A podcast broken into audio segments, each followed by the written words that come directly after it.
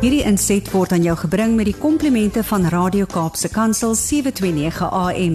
Besoek ons gerus by www.cape pulpit.co.za. Luisteraars, ek is Marita Martins en wat 'n voorreg om saam met julle Bybelstudie te kan doen. Ons tema is voortdurend. Dis vir my so 'n interessante woord, voortdurend. En die subtema is onheiligheid is soos wanneer 'n waterprobleem voortduur. As jy dors, ons kan nie meer vir jou 'n glas kraanwater aanbied nie. Jy mag 'n salmonella infeksie daarvan opdoen. Die bron waaruit die water kom, is baie vuil hier waar ons bly. Ons weet nie eers waarmee dit alles besmet is en ek wil ook liewer nie raai nie. Onheiligheid is soos wanneer 'n waterprobleem voortduur.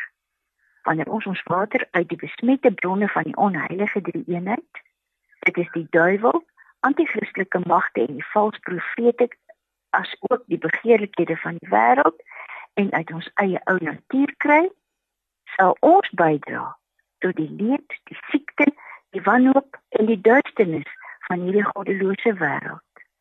En dan is ons voortdurend so. Dan doen ons dit voortdurend. Jesus het met die mens oor die bron van alles in sy lewe gepraat.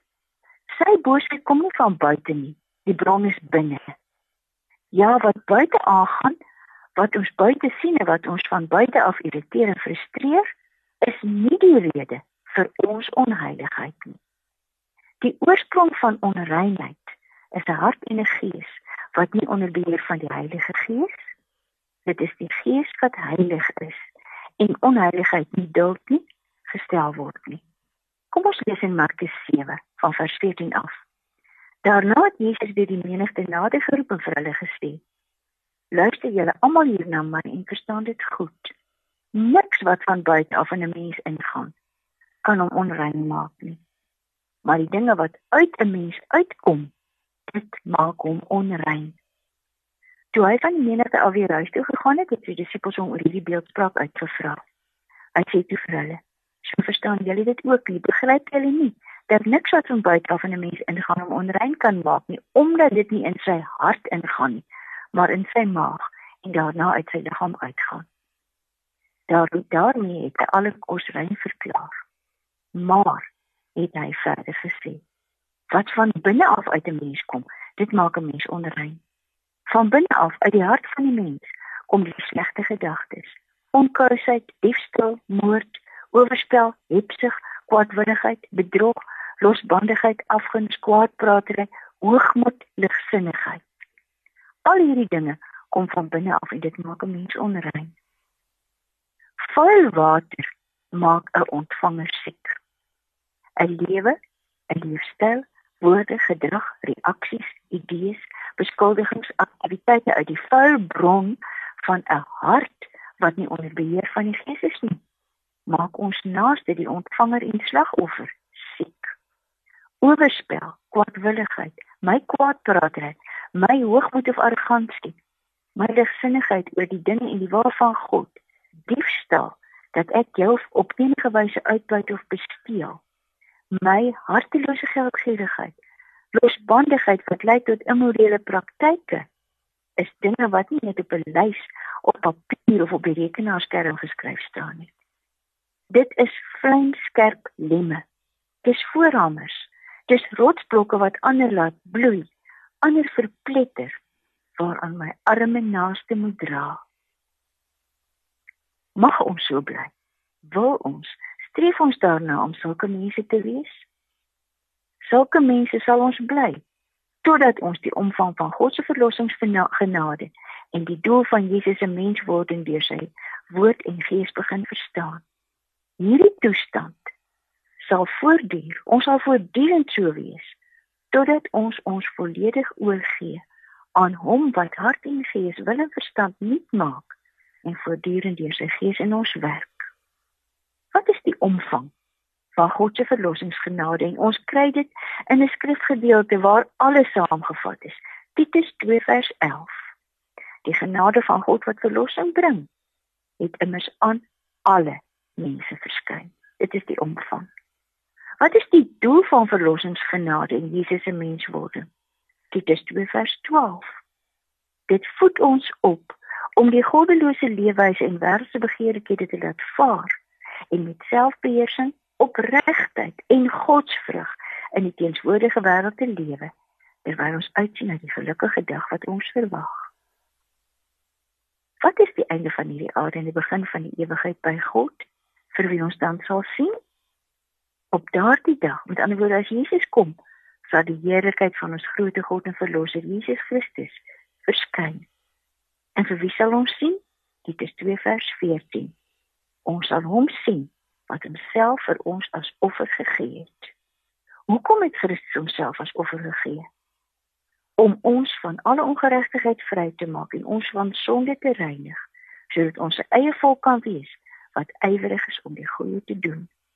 Mag ons hieroor swyg? Dit is 2 vers 15. Dit is die dinge waaroor jy moet praat. Ek wil weer vir jou vra. Is jy dors? Goed, ek kan jou probeer bluf en vir jou water uit een van ons 2 liter bottels gooi.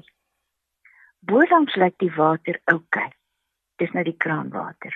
Maar onder op die boom van die bottel is daar 'n bruin afsaksel wat niemand behoort te drink nie. Goed verborgde onheiligheid in 'n mens se persoonlike lewe in die kerk en in die geloofsgemeenskap kan nogal hiermee vergelyk word. Die afsaksels uit die siel en gees vergiftig en besmet verhoudings Dit vergiftig en besmet die integriteit van die woorde, dade en uitreike van die kerk, die huwelik en gesinslewe, elke verhouding met ons naaste. Die hele Nuwe Testament handel oor die nuwe lewe in Christus, oor 'n lewe wat nie net bolangs oukei vertoon en onder vol smeerige afsaksels is nie. Ons lees Jakobus 1 van vers 21 af. Daarom moet julle al die sedelike vuilheid en on ongeregtigheid opruim wat so welig stuur en ootmoedig die woord aanneem wat God in julle geplant het, want die woord kan julle red. Julle moet doen wat die woord sê en dit nie net aanhoor nie. Anders bedrieg julle julleself. Iemand wat altyd net die woord aanhoor en nooit doen wat dit sê nie, is die een wat na sy en ek sit in hakies vuil gegrimeerde, sluit die hakies, gesig in 'n spieël kyk. Hy bekyk homself, gaan van die spieël af weg en vergeet dadelik hoe hy gelyk het maar iemand wat hom verdiep in die volmaakte wet wat 'n mens vrymaak en hom daaraan hou en nie vergeet wat hy hoor nie, maar dit doen. Hy sal gelukkig wees in wat hy doen. Oor die noodsaak van 'n persoonlike keuse vir algehele oorgawe aan die Heilige, laat die woord ons nie in die duister nie. Die Here sê vir elkeen wat in die geloof leef, ons lees 2 Korintiërs 6:14. Moenie met ongelowiges in dieselfde juk trek nie. Hoe kan daar vennootskap wees tussen reg en onreg? Hoe kan daar gemeenskap wees tussen lig en duisternis? Hoe kan daar eensstemmigheid wees tussen Christus en Belial? Hoe kan 'n gelowige dieselfde belang hê as 'n ongelowige? Hoe kan 'n ooreenkoms tot stand kom tussen die tempel van God en die afgode? Ons is immers die tempel van die lewende God. Dit is soos God gesê het. Ek sal onder hulle woon en wandel en ek sal hulle God wees en hulle sal my volk wees. Gaan van hulle al weg sonder julle afsê die Here. Moenie wat onrein is aanraak nie, dan sal ek julle aanneem en ek sal vir julle Vader wees en julle sal vir my seuns en dogters wees, sê die Here die Almagtige. Naby God of liewer in die geselskap en praktyke van ongelowiges, nie om met hulle oor Jesus te praat nie, maar juis omdat die wil van God nie juis vir ons saak maak nie. Here, laat elkeen van ons nadink oor waar ons ons bevind en hoekom. Die derde keer vra ons: Dors? Ons staan nie water in ons krane nie. Die pype, die verbinding tussen die bron en die ontvangers van die water, word al jare lank nie in stand gehou nie. Nou is daar nie water nie.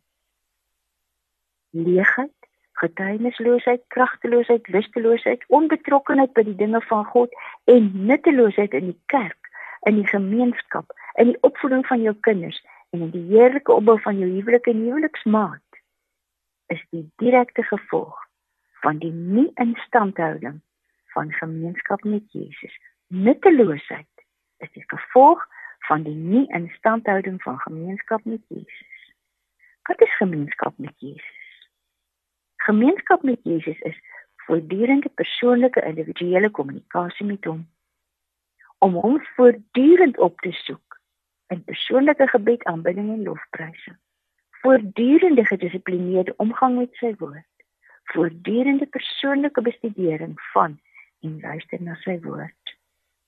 Dan gee die Heilige Gees vir wie Jesus as ons helper en mentor gegee het, voortdurend diep in ons siel, hart en verstand die insig en begrip wat nodig is sodat ons meer en meer van die woord verstaan. Paulus skryf vir die gemeentelede van Kolosse in Kolossense 2.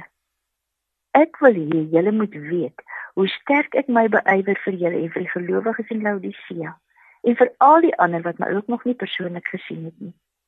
My doel daarmee is dat hulle bemoedig moet word.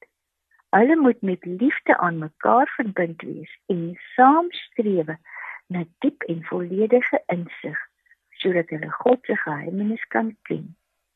Die geheimenis is Christus en in hom is al die verborgde skatte van wysheid en kennis te vind. Here, maak ons brandend van verlange om U deur U woord te leer ken, deur gebed en in aanbidding. Openbaar U self aan elkeen wat weet dat voortdurende breuke met U tot voortdurende smart, leegheid en nutteloosheid lei. Om U naam ontvaar. Amen. Hierdie inset was aan jou gebring met die komplimente van Radio Kaapse Kansel 729 AM. Besoek ons gerus by www.cape pulpit.co.za.